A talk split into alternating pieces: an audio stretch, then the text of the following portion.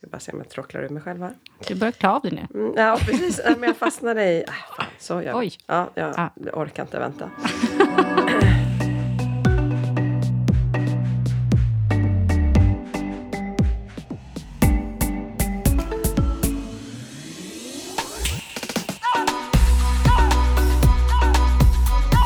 Klokskap och ledarskap. En podcast som ger plats till ledare som genuint, modigt och generöst får dela med sig av sina bästa råd till oss. Idag så har jag förmånen att få prata lite med Sofie Lindblom, eh, grundare och eh, VD för eh, Ideation 360. Och eh, jag tänkte att du ska ju få prata en hel del just om det här med innovation och få driva bolag och sådana saker. Men innan du gör det så tänkte jag bara, när du tänker tillbaka själv på din uppväxt, vad har du för bild av ledarskap? Oj, hej. Vilken bra fråga. Eh, när man växer upp så har man kanske ingen relation till ledarskap. Så därför eh, får man göra reflektionen i efterhand. Att inte när du är fem år gammal tänker åh det var fantastiskt ledarskap av min dagisfröken. Eh, så att när man ser tillbaka på det så blir livet på något sätt i olika kapitel där man har uppskattat olika typer av ledarskap i olika typer av kapitel. Och vi får gå riktigt långt tillbaka då, så jag har tänkt mycket på eh, med en av mina dagisfröknar, Ah. Ann-Marie. En fantastisk människa. Eh, jag och mina syskon blev ofta hämtade sist, eller ganska sent. Vi hade två eh, arbetande föräldrar, vilket såklart inte är ovanligt. Eh, och, och sättet hon hanterade ändå, det här att man kan bli lite ledsen som barn när man ibland måste vara kvar sist. Och vi fick köra russinleken själva och sådär. Men överlag, eh, de som har hand om andras barn på dagarna måste vara ett så otroligt komplext jobb. Eh, att man någonstans ska managera så många vuxna och man har hand om deras absolut mest älskvärda i livet. Så att eh, ja, ledarskapet där, det är beundransvärt kan jag reflektera över så här i efterhand. Och det går väl egentligen genom hela uppväxten, eh, så skolgång och fritids och sporter och alla de här aktiviteterna som man gör och som till mångt och mycket formar en som komplement till eh, ens familj. Då. Men hur, vad var det som gjorde att du började liksom, för du var ju ganska kreativ redan som ung och hitta på bra affärsidéer och sådana här saker. Så att, att liksom, när du tittar tillbaka, vad, vilka, vilka idéer känner du var bra då? Oj, inga. Alltså, inga. Det lär man sig snabbt att man måste vara precislös och ärligast mot sina egna idéer. Okej.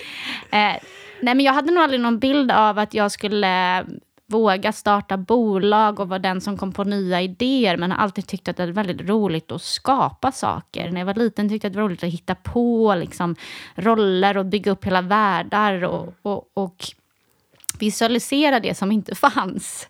Eh, men långt senare och en ganska liksom eh, vild berg och dalbana så kan man landa i att ja, men du kan ju jobba med det här också om du hittar idéer som skapar värde och sen har metoder och processer för att realisera dem. Så att det har varit en ganska lång resa och långt ifrån spikrak och därför är det kul att vara ute och prata mycket om den kreativa processen och att man stundtals kan känna sig ganska ensam, eh, väldigt förvirrad. Men då brukar vi säga att förvirrad är en bra känsla i det här sammanhanget för det betyder att vi är ute på okända vatten. Eh, men också den otroliga liksom, belöningen och kicken i när man lyckas hitta rätt eller lyckas ta sig framåt eller få gehör eller kan inspirera någon. Så det är ett lite beroendeframkallande också. Men hur visste du, liksom, eh, när, var, hur bestämde du till exempel vad du skulle plugga? Mycket slump. Eh, jag har alltid eh, prioriterat skolan. Jag är väl ingen sån supertalang, men jobbat hårt för att få bra betyg för att jag inte visste vad jag ville göra. Eh, så jag valde eh, den vägen på gymnasiet och lite samma spår på universitetet faktiskt.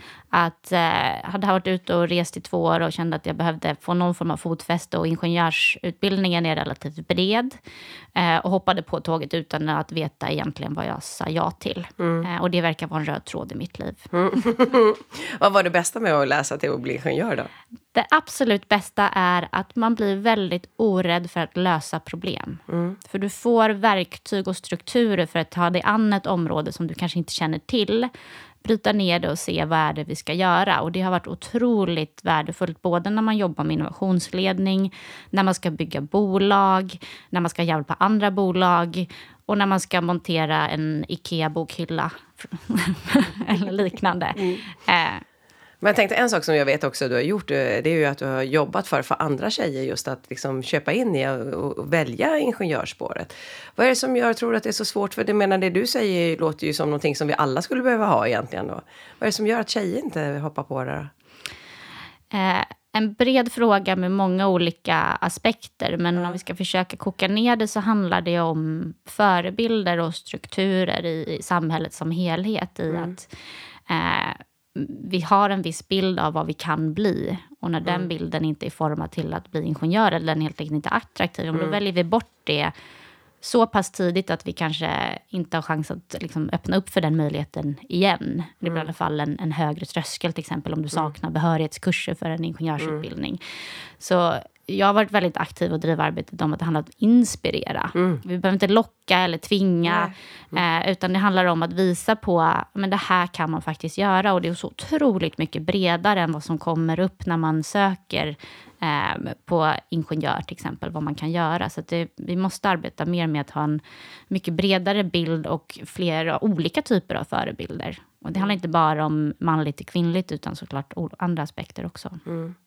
Men det är ju lite grann det som säger, vi blir lite flockdjur emellanåt och vi, liksom, det, vi har det skönast där inne. Men blir det inte också likadant när man ska sälja nya idéer? Det här, liksom att människa är lite flockdjur, så att, man, att vi gärna sitter kvar i att ja, ja, men om alla tycker att det är en bra idé, då kör vi på den. Jo, vi är flockdjur och vi är vane ja. djur, vanemänniskor. Ja, nej, men, man kan prata om en, en comfort zone, alltså en bekvämlighetszon. Mm. Både som individ men också som grupp, mm. som organisation och ibland till och med som industri, mm. bransch, mm. region, mm. land. nej, men du kan ta det där ganska långt i att vi mm. känner oss tryggast där. Men nu ser vi en förändringshastighet som går så pass snabbt att det blir påtagligt att den bekvämlighetszonen kanske är det som är mest skadlig för oss mm. i vissa fall. Mm. För att vi behöver hänga med den utvecklingen som sker, annars kommer vi hamna för långt på efterkälken. Mm. Och det kan appliceras både på ens egen karriär, att man behöver ställa in sig på ett liksom, kontinuerligt lärande, mm. men också som teamorganisation, att man behöver utvecklas mm. och att det kanske inte ser likadant ut om ett, tre, fem år. Nej. Och det behöver nödvändigtvis inte vara en, en, en, dålig sak. Nej. Men jag tänker, du måste ju också ha träffat kunder och personer som sitter och säger så här, ja, men vi, jo, vi behöver verkligen ändra på det här och liksom vi, vi behöver de här nya idéerna och sen så blir det jättejobbigt när det väl blir läge att man ska börja göra någonting. Så hur hanterar du att det här med att få en liksom alla, eller så många som möjligt i alla fall, att köpa in i? För det är ju en ovisshet som, som finns som vi behöver liksom kunna leva med när vi ska driva innovation. Ja, det, det, här är en ganska stökig process för det är ett ganska nytt område, i alla fall på det sättet som vi jobbar med, att det finns strukturer och processer som gör att man kan främja innovation och öka chansen för att hitta de här guldkornen mm. och ta dem vidare. Så det beror mycket på vem man pratar med. Mm. Eh, vilken situation den organisationen eller bolaget står i. Har det precis hänt någonting stort i form av att man måste transformera mm. sig? Går det fortfarande ganska bra? Mm. Ligger det på ens bord att man är ansvarig för det? Så att vi mm. gör oftast en, liksom, en situationsanalys för att förstå vilka mm. verktyg ska vi använda för att ha en bra dialog med den här personen eller med den här mm. organisationen. Eh, och därifrån höra lite, vad, vad sitter ambitionen någonstans? Mm. Säger ni på er hemsida till exempel att ni är bäst i världen på det här, mm. då måste man också då walk the talk i att faktiskt investera i strukturer för att leva upp till det löftet. Mm. För vi konsumenter eh, har blivit så pass kräsna att om vi inte mm. gör det, då tappar vi trovärdigheten mm. direkt. Mm. Men ibland kan man också uttala att men ambitionen är att eh, mjölka ur det som finns här och sen mm. avveckla eller gå vidare till nästa grej och då blir det en helt annan typ av plan. Så att, eh, först förstå vart eh, organisationen står. Mm. Därefter ha en, en, ganska ärlig dialog. Och ibland kan vi pusha lite. Eh, oftast blir vi inte utslängda ur rummet. Mm. eh, men sen i nästa steg då, det är ju att ta steget och faktiskt göra. Mm. Och där känner jag att många, framförallt svenska bolag, står och eh, tippar lite på kanten och inte mm. riktigt vågar göra det. Mm. För att man är rädd att det ska bli fel, man är rädd att man inte riktigt eh, vet vad man kommer få tillbaka. Och mm. innovation är ju när målet är okänt. Så vi kan inte lova det, men däremot kan vi lova att vi sätter en grund för att konstant kunna ta vara på nya möjligheter. Och parera hot såklart också. Mm, mm. Så om, rent om säger hypotetiskt, vad tror du vi skulle behöva göra för att våga bli lite modigare? För jag kan ju uppleva att det är ju flera situationer som just det är modet som håller oss tillbaka. Vi har en god tanke, vi vet vad vi ska göra, men vi gör det inte. Vad tror du skulle kunna vara bra jag tror att ledare, både officiella och inofficiella, har ett väldigt stort ansvar mm. att ta här i att skapa team med trygghet och tillit. Den mm. viktigaste ingrediensen för att skapa innovation. Mm.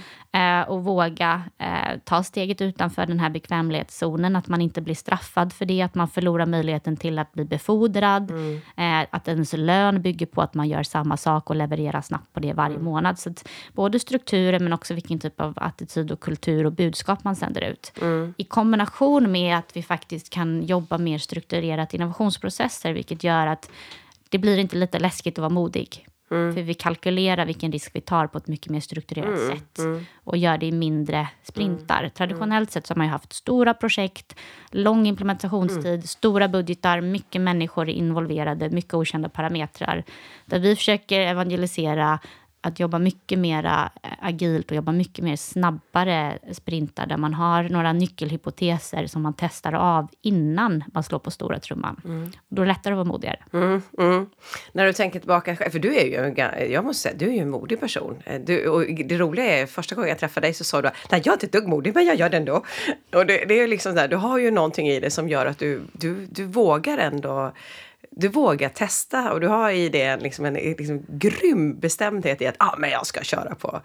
Så eh, är det någonting man föds med det här med att vara modig eller är det någonting som vi kan bygga upp? Jag kan ju börja med att, berätta om första gången vi träffades. Eh, det var precis innan jag skulle göra ett, ett TED-talk eh, och Berit skulle hjälpa mig lite med hur jag skulle lägga upp det här. Mm. Och jag var så nervös att jag knappt kunde prata så jag kände mig inte alls modig. Men på tal om det här att hela tiden pusha sin bekvämlighetszon. Ja. Att när man sen hade klarat det där TED-talket så var det en otrolig känsla som gjorde att jag vågade ställa mig på större scener och mm. sådär. Så att när det är riktigt läskigt så vet man också att man växer som mest mm. som människa. Men vad är det du har som gör att du gör det? För det finns ju många som inte gör det. Ett otroligt beroende till det här äventyret tror jag. Okej, okay, det är det. Men när man gör det en gång och klarar mm. det, mm. då är det en hemsk känsla innan och en mm. fantastisk känsla efter. Men du blir något sätt beroende av att få göra det igen. Så när jag var yngre så liksom bodde jag i en buss och åkte runt på äventyr i Australien, hoppade bungyjump och jag vet inte vad, vad jag höll på med. Sen var jag tvungen att översätta det här när jag skulle liksom ha, liksom, kanske lugna ner mig lite och en karriär. Och, så där. och då var det mer liksom, man ställ dig på den här scenen inför 2000 personer och förmedla någonting som är intressant. Ja. Eller säg upp dig från den här anställningen och starta mm. ett bolag på ett vitt papper. Så att, jag tror ju mer du gör det, desto mer naturligt blir det att det är en del av att röra sig framåt i livet. Mm. Eh, så mycket det vi försöker när vi jobbar med organisationer är att börja i ett litet steg mm. Eh, och se mm. hur kändes det här och liksom, är det okej att det inte fungerade? Hur kan jag liksom rätta till och ta nästa steg? Mm. Vad är den största utmaningen du har eh, liksom stött på så här långt som egen företagare? Och Eh, det är så många, så det är svårt att säga vilken som är störst. Ja, ta en som du, ja. ta en som du har lärt dig någonting av. Ja. Vet, någon här som man bara, ja. Mm. Nej, men när man börjar med ett, eh, ett vitt papper, vilket man mångt och mycket gör när man startar ett bolag helt från grunden, eh, då gäller det ju att vara sylvass i sin prioritering. För du är en person, nu är det bra att jag har många hattar, jag brukar skämta om det, för du har alla hattar i bolaget. Mm. Du är IT, HR, eh, eh, juridik, marknadsföring, mm. produktutveckling, sälj och leverans. Mm. Så att vad vi skulle kunna gjort i början är att ha en mycket tydligare prioritering mm. eh, över i vilken ordning saker ska ske. För om du har en ordning, då går det oftast fortare att fokusera och göra klart nästa istället för att ha massa parallella mm. trådar. Mm. Så det tror jag är en, en, en, väldigt viktig lärdom i om jag skulle göra den resan igen. Att ha en mm. ganska tydlig prioritet. Man tycker att man har det, men sen kommer in sidobollar, kantbollar, mm. lite här och var. Och sen så har man ju också någonting som kallas livet som pågår. Mm. Eh, sidan av. Ja, nej men, nej men lite så. så att, det har verkligen varit något som jag i efterhand har reflekterat över. Jag tycker att vi har blivit bättre på det, även om det är svårt. Vad känner du mer att du har lärt dig utifrån att bli egen och ha det ansvaret som du har både för verksamheten och för resultatet på leverans? Jag känner mig ödmjuk över hur svårt det är att bygga ett framgångsrikt bolag. Mm. För det jag ville testa var ju för att vara trovärdig att jobba med innovation och hjälpa andra så måste jag ha gjort den resan själv. Mm. Och nu när vi är drygt två och ett halvt år in på den resan så känner jag mig otroligt ödmjuk till de som har lyckats och orkat hålla ut för att det, mm. kräver, det kräver mycket mm. eh, av en. Så det har varit en intressant insikt och reflektion i alla saker som man stöter på som jag aldrig skulle lärt mig annars. Mm. Vad ser du är mest krävande? Jag tror att det är hela tiden man tävlar ju mycket mot sig själv, men att mm. få ihop alla delar. Ja, men du ska ha en produkt som är liksom, eh, bäst, du ska bygga en kundbas mm. och ett varumärke. Du ska samtidigt leverera så att du får de här väldigt kritiska mm. första kundreferenscasen. Mm. Du ska anställa och förstå liksom, rekryteringsprocessen och hitta rätt kompetenser fast du inte ens vet vad du behöver. Eh, du ska få ihop det finansiella varje mm. månad. Mm. Eh, så att verkligen den här eh, att jonglera många bollar i luften samtidigt. Å andra sidan tycker jag att det är väldigt roligt. Mm. Så det får man ju påminna sig om också. Att det kommer att vara kämpigt i perioder, men på helheten så måste man ändå mm. tycka att det är en, en spännande resa. Mm. Och det att, blir ju cykler liksom. Att göra. Eh, och liksom lyxen i att få träffa så otroligt mycket människor som vi får i och med att vi jobbar både med produkter och med konsulttjänster. Mm. Men jag tänkte på, det blir ju också att jag hör ju och förstår ju att då är ju du väldigt aktiv själv. Eh, och, och, du är också en av de som driver och liksom hela tiden jobbar för att få saker och ting att fungera och få, det och få de här framstegen som ni behöver ha. Hur gör du själv för att liksom peppa dig själv? För jag kan tänka mig att du måste ju också ha dagar där du känner att idag var det ingen bra dag. Ja, absolut. Så vad gör du för att peppa dig själv och på något vis liksom, få energin? Dels är det otroligt viktigt, och det här är väl liksom textbook-svaret, mm. men att ha ett team eh, som mm. man jobbar med. Så att man vinner tillsammans och man förlorar tillsammans. Mm. Och man utmanar också varandra. Det är roligt i det här teamet. Det är nog mest det är teamet med mest mångfald som jag någonsin har jobbat mm. i. Och det är väldigt spännande dynamik för att vi kommer framåt men det tar ibland längre tid för att vi inte är överens. Men vi kan också ge varandra liksom, ovärdeliga mm. eh, liksom, mm. vinklar på saker. Så att, framför allt att man har bra människor eh, mm. runt sig och att alla gör verkligen sitt bästa. Det är inte någon som... men efter sin förmåga och efter mm. sin förutsättning. Så mm. Det har också varit en intressant process att hitta de här personerna som vill vara med i en tidig startupresa av ett mm. bolag. För det är inte alla som vill det. Eh, för att det är ganska osäkert och flytande roller och man vet inte riktigt vad som ska hända kanske ens nästa kvartal. Mm.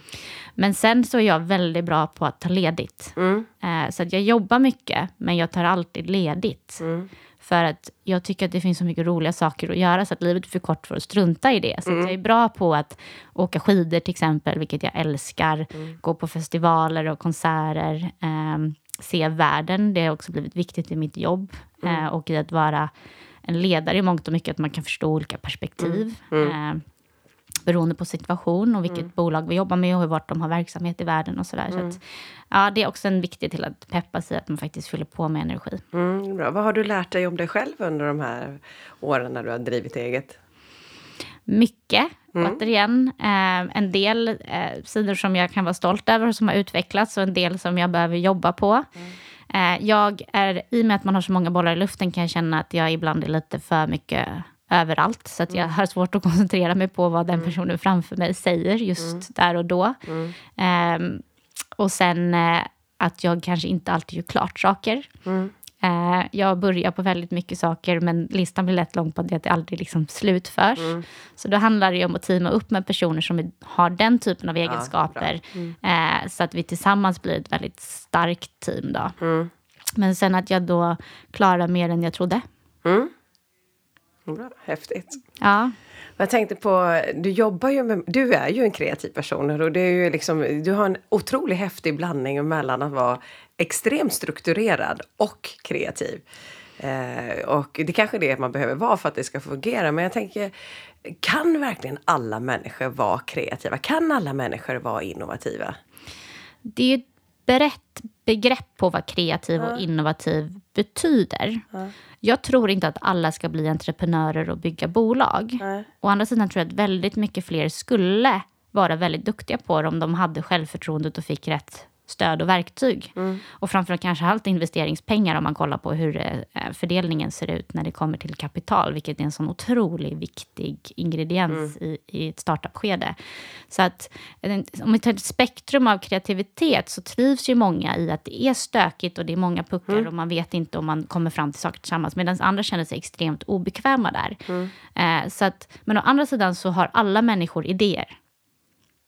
Det finns ingen som inte har det, vare sig de vill erkänna det eller inte. Okay. Eh, så att, att öppna upp för att kunna få bidra med sina idéer, det skulle kunna vara liksom på den andra sidan av spektrumet. Mm. Men det finns i alla fall en kanal där jag kan dela med mig av utvecklingsmöjligheter eller nya idéer som poppar upp till att jag vill vara den som realiserar idéerna mm. och går och bygger bolag av dem. Mm. Så att, eh, alla är kreativa men kanske vill eh, utnyttja den på olika sätt mm. eller på en, olika, liksom, mm. på en skala. Mm. Ja, men det ligger en poäng i det du säger att alla har idéer och där tror jag ibland att vi kanske inte lyssnar på alla utan vi mm. lyssnar på de som kanske låter mest men kanske inte de som uttrycker dem. Så det är ju ett bra tips egentligen att kolla av allas idéer. Men jag tänkte också just det här när du då är inne, om vi säger att du kommer lite längre in och man ska liksom implementera en förändring. Eh, då, rent generellt sett så brukar man ju säga att vissa personer, ja, men just, eller vissa generationer, för man är ju jätteduktig på att liksom boxa in folk i olika lådor, att de har ju så svårt för förändringar, men de där, de gillar förändringar. Och det har ju liksom lite författat med, ja men är man ung, ja men då är man förändringsbenägen, men är du lite äldre, nej då vill du inte ändra på det. Alltså är det så till att börja med, och då, hur gör man då för att få människor att köpa in i en förändring? Jag vet inte om jag är rätt person att svara på om det är så. Jag har liksom inte forskat på det här med generationsskillnader och så. Du träffar ju olika typer ja, av människor. Men från min liksom, uppfattning av att ändå jobba med många olika typer av grupper mm. av människor. Så vi formas väl på något sätt av den tiden vi växer upp i. Det är nästan oundvikligt så länge du inte gömmer mm. dig under en sten. Mm. Men att generalisera tror jag är väldigt farligt. För då om jag blir tillsagd någonting så kanske jag uppfattar med den rollen fast det inte alls är så mm. det är. Mm. Eh, så att hur man ställer sig till förändring tror jag väldigt mycket beror på vilken typ av förändring vi pratar om. Mm. Eh, och vilket sammanhang mm. det Men är. De förändringarna som ni oftast gör är ju sånt som påverkar människors sätt att arbeta till exempel. Ja. Eh, och det var det jag tänkte på just att eh, hur gör man då för att få så många som möjligt att liksom, köpa in i det? Ja. För beror, framgången beror ju väldigt mycket på hur, vilket commitment ni får från de som är med i det? Och det är en jättebra fråga och ofta stöter vi ju på att det kanske inte alltid är eh, hurrarop när man kommer in och säger nej men, och innovation kan vara ett ganska laddat ord. Mm. Så att det handlar ju väldigt mycket om att ge bakgrunden till varför gör vi det här och också en positiv ton på det. Även om det är ett, en organisation som kanske har haft det tufft så får man ändå sätta på att ja, men det här är en otrolig möjlighet och det kommer att vara en rolig resa att vara med på. Så att sätta den bakgrunden och vara nästan lite så inspiration, visionär, mm. det, då kan man få med sig oftast en större grupp. Men mm. sen kommer det alltid finnas de som står kanske längst bak med armarna i kors och tycker att man är dum i huvudet. Mm. Uh, men det kanske är en lång till fem mindre procent av organisationen och då kanske det inte är rätt plats för dem att vara mm. kvar på. Eh, men så att väldigt tydlig bakgrund och liksom rama in situationen. Tydliga förväntningar. Mm. Eh, vad har du för roll i det här och, mm. och vad vill vi att du bidrar med? Mm. Eh, och så, såklart försöka adressera frågeställningar och vad som skulle kunna ses som hot. Och sen ha en väldigt inkluderande process. Så att man förstår vad som händer i varje steg. Mm. Och då brukar de flesta tycka att det faktiskt är spännande mm. och roligt att få vara med om. Och sen att man mm. får välja mycket vilken roll man vill ha. Vill du mm. vara den liksom, kreativa längst mm. fram som springer och, och, skapar de här nya mm. eh, koncepten och bygger de här bolagen? Eller vill du vara den som kanske bara går in och kollar lite vad andra har lagt in för idéer? Mm. Och mm. känner dig nöjd med det, men då har du i alla fall fått vara med och liksom, mm. du har fått en chans att eh, ta del av vart den här organisationen ska någonstans. Så det är väldigt mycket, ibland brukar vi skämta om att vi känner oss lite som innovationskonsulter, men också eh, liksom, eh, support, psykologer ja, ja, liknande. Ja. Eh, för det handlar mycket om människorna, ja. såklart. Ja. Jag tänkte på vad känner du att du har gjort som du är mest stolt över? Oj. Kopplat till Ideation 360? Ja, eller rent allmänt. Det som dök upp först. Nej, men jag är faktiskt stolt över att jag vågade ta steget eh, och lämna min roll på Spotify som jag ändå hade jobbat väldigt, väldigt hårt för att eh, komma till. Och vi var, det var en spännande fas i bolaget och jag hade en roll eh, blivit erbjuden en roll i New York eh, på en mer strategisk position. Mm. Så att jag, att jag vågade ta det hoppet, för det har gett mig så otroligt mycket. Och jag känner att jag har liksom växt i senioritet och i ledarskap, men också en mycket större förståelse för mekanismerna kopplat till innovation. Mm. Eh, så det är jag stolt över. Hur hamnar du på Spotify då? Eh, ja, jag... Om man får, jag ska försöka göra en, en, en lång historia kort. Mm. Eh, men jag gjorde mitt tredje år på universitetet mm. i Singapore, på National University of Singapore. Och att komma dit var lite som en kalldusch. Mm. För eh, i Sverige så, visst man pluggar och sådär, men det är väldigt mycket fest och det är väldigt mycket jippon och projekt på sidan av. Och i Singapore så är det stenhård disciplin. Mm. Eh, de pluggar otroligt hårt och kurserna kräver helt andra typer av investeringar. Såklart för att man inte är van. Eh, och för oss var det på ett annat språk också. Men de liksom var så drivna, de hade internships och allt. Så och så frågade de, vad jobbar du? Och jag bara, nej men jag jobbar på Åhléns Sell Makeup in the summers.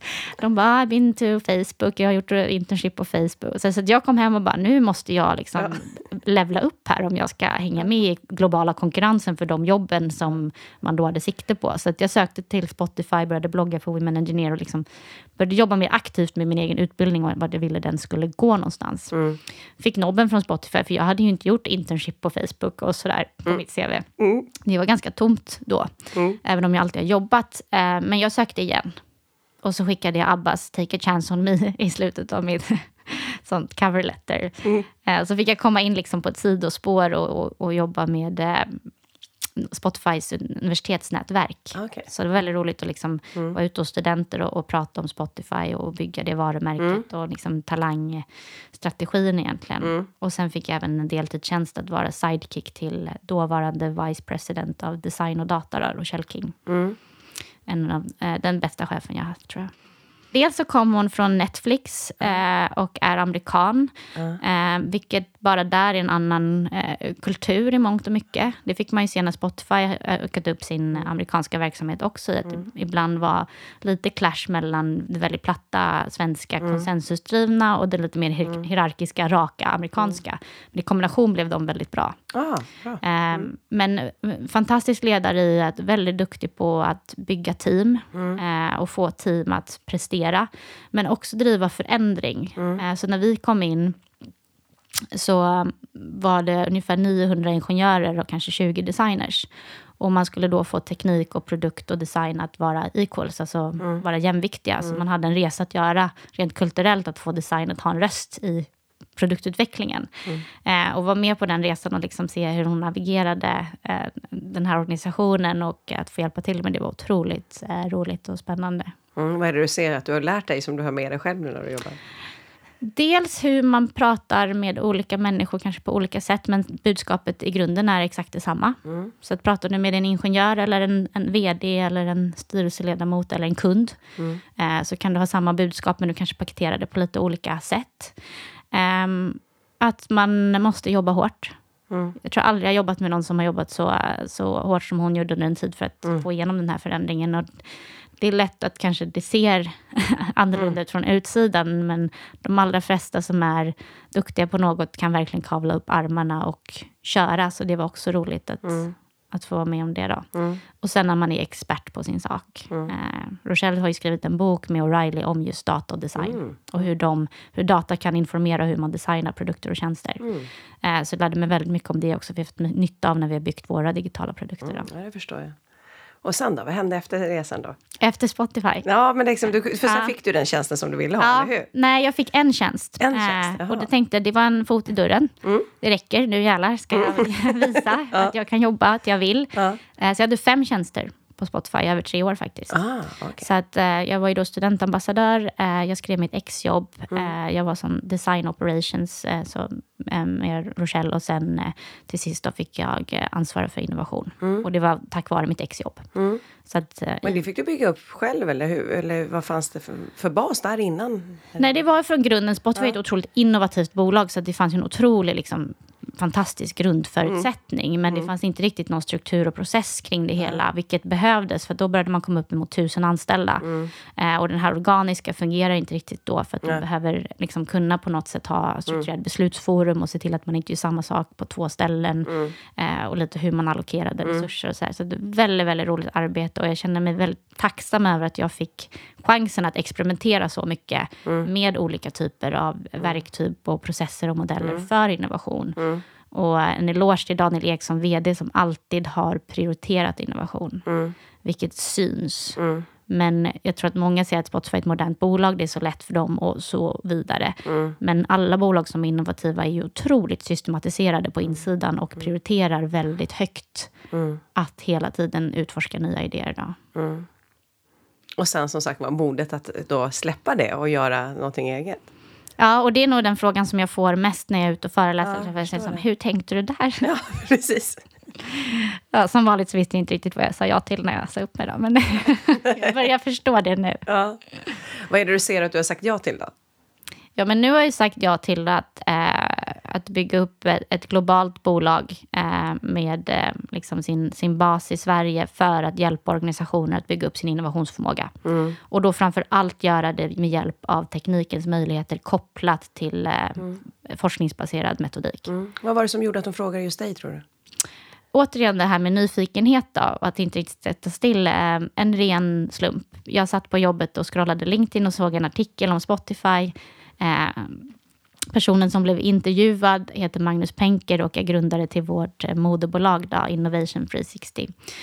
Och jag var otroligt fascinerad över, vi har nämligen en, en databas och ett ramverk för att mäta innovationsförmågan. Så det är organisationen lite av en röntgen i, så här ser mm. det ut, det här borde ni satsa på, de här gapen finns för att ni ska nå er mm. ambition. Och jag mm. gjorde det på Spotify i mitt exjobb, mm. Eh, manuellt. Mm. Och det här är då digitaliserat och liksom otroligt mm. holistiskt. Så jag skrev till honom på LinkedIn och, sa att jag hade läst lite om ramverket. Att jag var väldigt nyfiken på att förstå mer och frågade om han hade tid för en lunch. 50 minuter in på den lunchen så erbjuder han mig eh, den här rollen och att bli medgrundare och vara med och starta upp då eh, Ideation 360. Mm. Och hur lång tid behövde du tänka? Uh, han ringde mig kanske tre, fyra gånger om dagen. De följande två veckorna, så vi lärde känna varandra rätt bra på den ja, tiden. Ja. Uh, så att, uh, det tog väl någon månad och jag diskuterade, ringde väldigt mycket olika personer och bollade lite. De flesta sa gör det inte, mm. men några få sa gör det. Mm. kanske de jag litar mest på. Mm. Eh, så då bestämde jag mig för att ändå testa. Mm. Och det är ofta så att man är inte hjärtkirurg, så det värsta som kan hända är att det inte går. Ja. Och så lär man sig mm. något och så får man ta nästa kapitel i livet. Så mm. när man tänker på det på det sättet så kan man avdramatisera sånt som man lätt gör, eh, hypar upp i sitt eget huvud. Ja. Men man ser på det och pratar om det du gör nu så ser du ändå väldigt glad ut. Så det känns ju som att det var ett bra val som du gjorde, eller hur? Ja, men det är det. Ja. Eh, och det är så otroligt eh, lyxigt och roligt ja. att få jobba med eh, innovation och innovationsledning mm. i den tid vi lever i. För det finns ett sånt intresse och börjar också skapas en öppenhet för att man vill göra mer. Mm. Och jag tänkte just det, för många företag börjar ju, även om vi förstår att det är viktigt så kanske inte alla har kommit igång. Det är ju de som inte är så snabba på det om man säger. Så utifrån om, om, om du skulle ge ett råd till personer som jobbar med att liksom kanske, för in, ibland är det ju ett, eller det är ett gap mellan vad innovativt är och vad liksom vanlig förbättring mm. är egentligen. Så vad skulle vara ett bra råd för de personer eller de som jobbar i organisationer som känner att ja, vi skulle behöva bli mm. lite mer innovativa för att liksom hänga med på ett bra sätt? Det första rådet eller tipset är väl att det kommer aldrig vara bra timing. Uh, okay. Man liksom går och väntar på att mm. men, vi är mogna 2020. Eller vi har fått väldigt mycket sådana svar när vi varit ute och pratat. Det kommer aldrig finnas en bra timing för det händer alltid saker. Så mm. man måste våga bestämma sig för att nu gör vi det. Mm. Fast det är budgetprocess eller fast mm. det är semestersäsong eller vad det nu kan vara. Uh, och det andra steget är som sagt att fundera lite på vad är vår ambition? Uh, och sen göra planen ut efter det. Mm. Och om du menar allvar med det, då kan du inte sätta en person på deltid att driva innovation för en organisation med 10 000 anställda. Nej. För det kommer inte hända någonting. Den ekvationen fungerar inte. Nej. Så om du menar allvar med att du faktiskt vill modernisera din organisation och se till att ni hela tiden letar efter nya innovationer, mm. vilket kommer behövas i en ny global konkurrens och en mm. ny värld. Mm då måste du våga investera både i roller och Mm. ansvarsområden. Givetvis mät dem som med alla andra roller, så att Mm. man ser att man eh, får en utdelning på det. Eh, och sätta budget på det. Mm. Annars kommer det inte hända någonting. Så det handlar om att vara seriös i sitt åtagande med andra ord. Ja, Mm. Jag tänkte, vi, eh, du jobbar ju också, du blir ju en ledare och chef i din roll som du har också. Utifrån det perspektivet, vad är det du ser att eh, saker som du har lärt lärt dig om dig själv som ledare? Den första insikten är väl att det är väldigt stor skillnad på att vara ledare och vara chef. Eh, när man är chef så har man ett ansvar eh, för de som man har under sig och, och se till att, liksom, eh, att de kan prestera och vet vad som händer och, och lagom dos, utmaning, uppmuntran och hela den biten. Och det har jag fått lära mig väldigt mycket om. Jag hade ett litet team på Spotify, jag har lett projektgrupper och liknande, men det här är första gången som jag nog officiellt har varit chef. Så. Eh, när det handlar om att vara ledare så kan ju det ibland vara svårare, för då handlar det om att få andra som du kanske inte kan tvinga, inom situationstecken, att göra saker, att, vill, att göra saker, inte för att man måste, utan för att man vill.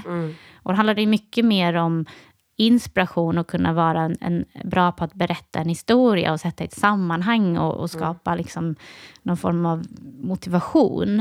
Eh, och och när de två ska samexistera så är det svårt att göra båda riktigt bra. Så många idag som är ledare kanske inte har stora team under sig som direkt rapporterar upp till en. Och de som är riktigt bra chefer, de kanske inte ska vara visionärerna som bygger framtiden. För att det är så otroligt svårt att få, få tid för båda dem. Och jag försöker balansera dem så gott jag kan. Men det är en insikt i att det är ganska olika roller, även om de ibland används som samma, inom samma liksom, term. Och det är det som så ofta så ingår ju, om man säger är du chef så ska du på något vis utöva ett gott ledarskap också. Så jag Ja. tänkte, hur gör du när du märker att någon medarbetare hos dig dippar lite och du känner liksom att ja, men kanske inte levererar det du hade förväntat dig. Du hade för faktiskt förväntat dig lite bättre än så här. Hur gör du då? För det är oftast det som många chefer tycker är det, det stör om man säger den vanliga produktionen. Ja, och för vi är fortfarande en sån liten organisation, så att, jag menar, det blir ju helt affärskritiskt. Mm. Så hur gör du med en sån person som inte levererar? Jag tror på ärlighet och transparens. Eh, och att det alltid är en, en, en relation, en dialog.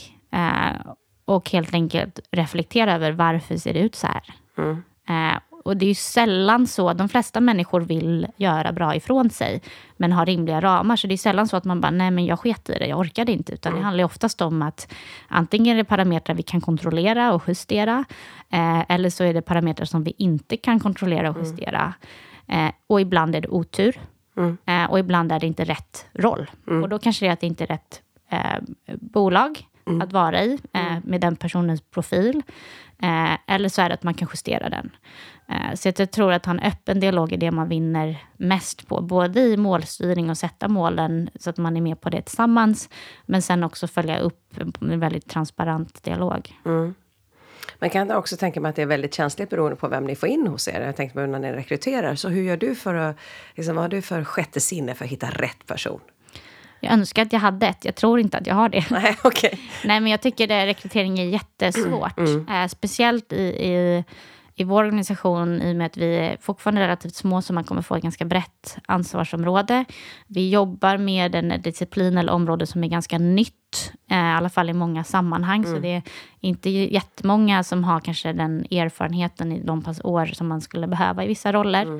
Eh, så jag har ingen sjätte sinne eller hemlig ekvation, men om det är någon som har det så vill jag gärna Ja, ta del av den. Så jag tror att återigen att äta vår egen medicin är att ha hypoteser av att den här typen av person och profil eh, och kompetens behöver vi. Och sen gå ut och liksom testa lite, prata med människor och, och se om det verkar vara en bra eh, match. Men sen är det alltid man tar en, en båda som går in i en, ett anställningsavtal tar ju en risk. Och det är därför liksom en provanställning kan vara en bra idé för att båda får känna på om det här känns bra. Vad är det för typ av egenskaper du letar efter hos en person som jobbar hos er? också lite beroende på roll och vart man ska, vad man ska sitta och fokusera på. Jag menar om det är någon som till exempel jobbar nära mig nu så behöver jag någon som är duktig på eh, liksom, siffror, månadsrapportering, Excel, eh, struktur, eh, Google Analytics. Den biten. För att jag eh, tycker inte att det är roligt och är inte duktig på det. Men vi behöver det verkligen för att liksom, ha koll på helheten. Men eh, ska du till exempel vara konsult hos oss, ja, men då behöver du älska innovation. Det behöver alla göra. Då måste du verkligen eh, vara expert på det och ha varit ute och jobbat med innovationsledning i något sammanhang. Men du måste också ha en fallenhet för försäljning. Vi är så pass så små att vi oftast har eh, folk som gör både och. Eh, så det är bara ett par exempel, så det är väldigt liksom, situationsbaserat. Jag tänkte på vad är den största utmaningen? För att alla på något vis har ju sin bild om vad innovation är för någonting. Vad är den största utmaningen med att jobba med det? Eh, det är skillnad på att jobba med att hitta innovationer och jobba med att, som vi gör då, implementera strukturer för att bolaget själva ska kunna göra det sen. Om man tar det som, som vi jobbar med så är det dels att det är väldigt olika vem man pratar med. Um, alla organisationer har organiserat sig på olika sätt när det kommer till det här. Så ibland sitter det inom IT, eh, ibland sitter det inom HR, ibland en egen avdelning, ibland strategi, ibland en ledningsgrupp. Eh, så att, att, att rikta kommunikation och sådär kan vara svårt. Eh, och rollen är också ganska bred. I, Man kan ha rollen innovationschef, men den kan ha ganska mycket olika betydelser beroende på vilken organisation. Så det, det är en utmaning som vi också försöker hjälpa till att leda arbetet i att definiera den rollen såklart. Det andra är att det är så pass nytt att man kanske inte har en uppfattning av vad vad är det värde? Vad är det vi får ut av det här? Liksom, när man har gått igenom det, men då förstår man mycket tydligare att aha, men just det, så här blir det om vi börjar samla in idéer från vår organisation och sen titta på dem och titta. Har du något exempel som kan visa på där de har fått ett bra resultat utifrån hur ni har jobbat? En ganska typisk situation just nu är att det är många organisationer som går in i en identitetskris som organisation för att man har haft sitt syfte eh, kring en produkt. Ja, men, eh, vi säljer böcker eller vi säljer läsk. Och då om folk slutar köpa eh, böcker eller slutar dricka läsk, då, varför ska vi då finnas? Så att då handlar det mycket om att backa tillbaka och kolla vad är det underliggande behovet som vi fyller när vi läser böcker eller dricker läsk. Och då kan man få en mycket högre höjd och knyta innovationsarbetet till något som är mer långsiktigt. Och säga så, okej, men det är för att vi vill fylla tiden, eller vill underhålla oss, eller släcka törst, eller må bra, eller kunna träna. Eh, och därifrån då sätta en innovationsstrategi med ett antal olika trender som man ser är viktiga kring att fylla det behovet. Till exempel ja, men mer skärmtid eller vi är allt mer hälsofixerade i vissa delar av världen, andra tvärtom. Ja, men, så då börjar man lite högre upp och hjälper till att ta steget tillbaka. Och sen kan man därifrån då plugga in innovationsprocessen och börja samla in idéer. Ja, men hur skulle vi kunna göra det här med det vi är duktiga på? Eh, hur, skulle vi liksom, hur skulle en tjänst se ut på vår produkt, till exempel? Eller hur skulle vi kunna omvandla till en affärsmodell där vi tar betalt per månad istället för produkter? Och- Så man, organisationen är de som är experter på det, såklart. Men vi kan komma in med verktyg och metoder för att liksom öppna upp den dialogen. Ibland jämför vi oss med att vi är som en personlig tränare för innovationsmuskler. Ja, vad bra. Ibland kan man behöva lite hjälp att komma igång bara, men sen är det man själv som blir stark såklart. Ja, ja, vad kul. Vad är det du ser fram emot mest nu då? Och jag ser otroligt mycket fram emot 2019. Eh, det bästa med att, eh, att bygga bolag är ju, i alla fall i liksom de, de, de första åren, är att man inte är riktigt säker på exakt vad som kommer hända. Eh, så vi får se, det kommer Spännande. säkert vara jättemycket spännande, både framgångar och en del motgångar, annars har vi inte sprungit tillräckligt snabbt. Mm. Men att få jobba med organisationer som vill, det är det absolut roligaste. Och få se deras innovationer komma ut på, på marknaden. Fortsätta utveckla våra produkter. Vi experimenterar otroligt mycket med vad man skulle kunna göra med artificiell intelligens i olika sammanhang för att kodifiera hur organisationer jobbar med innovation då, och liksom ge ja, men på sikt egentligen ta bort oss själva som coacher och konsulter. För att ehm, AI kommer ju kunna gå igenom datan snabbare och bättre. Eh, så att på produktutvecklingssidan gör vi saker som ingen annan gör i världen, vilket är spännande, verkligen. Nya partnerskap, nya eh, länder och konferenser och människor. Så att, ja, det är mycket.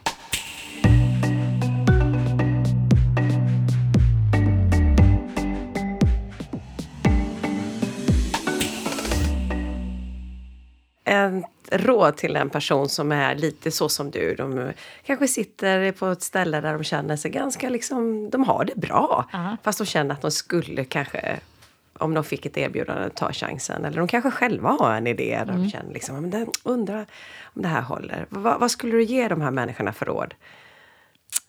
Just do it, som Nike säger. Nej, men eh, om jag ska försöka svara lite mer eh, med lite mera eh, detalj Mm. Eh, så tror jag att eh, jag menar, det klassiska är ju att titta på eh, vad har det här för potential Mm. för mig, eh, för världen, beroende på vad det är.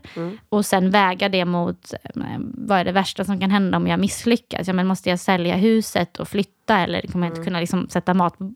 Det är en svår avvägning. Men sen också ta tillbaka det och titta på...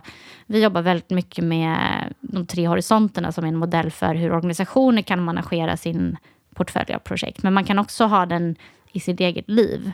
Så att horisont ett är ju vad jag gör här och nu, vad jag jobbar med, vad jag är duktig på, vart jag befinner mig. Eh, och där ska vi såklart investera att hela tiden bli bättre, men det är relativt mycket comfort zone. Vi står rätt still här. Eh, horisont två är ju då, vad vill jag göra runt hörnet, säg om ett, tre år. Alltså, Hur kan jag ta ett litet steg åt höger eller vänster och faktiskt testa på någonting nytt? Eh, och då behöver jag börja förbereda mig för det i min horisont 1. Då. Och sen horisont 3, det är vad vill jag göra på längre sikt? Vad ser jag mig själv om 10 år, om 15, om 20? Vill jag vara vd? Vill jag starta bolag? Vill jag bli expert inom ett område? Så att, att ha de här olika tidshorisonterna gör att det blir mindre läskigt för då kan man sprida ut den här stora. Alltså, säg att jag vill starta bolag, ja, men då kanske jag kan börja med att gå en kurs eh, hos någon av inkubatorerna eller hos universitetet. Bara i hur gör man ens det? Mm. På, på liksom en kväll i veckan så har man börjat ta ett, ett litet steg att investera i den framtiden men inte bam boom, jag säger upp mig. Mm. Så det börjar med att ta en, en, ett steg i taget med andra ord då? Ja, om man känner att det är rätt. Men å andra sidan, om man väger så här, jag tror verkligen på det här. Nej, men då ska man såklart köra direkt. Då är det ingen idé att ta små steg, då får man ta stora steg. Ja. Så det här är helt mycket egentligen hur stor potential är i idén då? Ja. Och när man väl är där då, när man väl har ryckt, ryckt och så bara kör man och så är man i. Hur ska man tänka då? Och det var ju det här jag satt med för två och ett halvt år sedan. Jag satt med ett vitt papper och hade liksom alltså, eh, sagt upp musik, det digital ut med en stor rubrik där det stod Sofie ska hjälpa bolag att innovera. Och så satt jag där med mitt vita papper och bara, hur då? hade jag jättemycket prestationsångest. Ja. Eh, men Men prestationsångest är ju många av oss som får när vi hamnar i de här lägena. Ja, men då får man också hitta verktyg för att omvända den prestationsångesten till nå- ett jävla anamma. Så hur gör du det? Eh, för mig, jag gillar väldigt mycket att visualisera. Så om jag känner mig att jag inte vet eller så, här, bara, då tar jag de här vita papperna och så liksom börjar jag lägga ut saker som jag har i hjärnan. Liksom. Okej, eh, affärsmodell, produktutveckling, kunder, anställning. Och sen så får jag se då liksom, faller de här ihop på något sätt? Vad har prioritet? Eh, hur kan jag göra det? Eh, och så lägger jag det på golvet och så går jag ut och springer och så tänker jag på det här och så kommer jag tillbaka och så har jag oftast någon form av nästa steg i alla fall. Bra sätt att ge sig lite tid att reflektera. Mm. Mm, bra.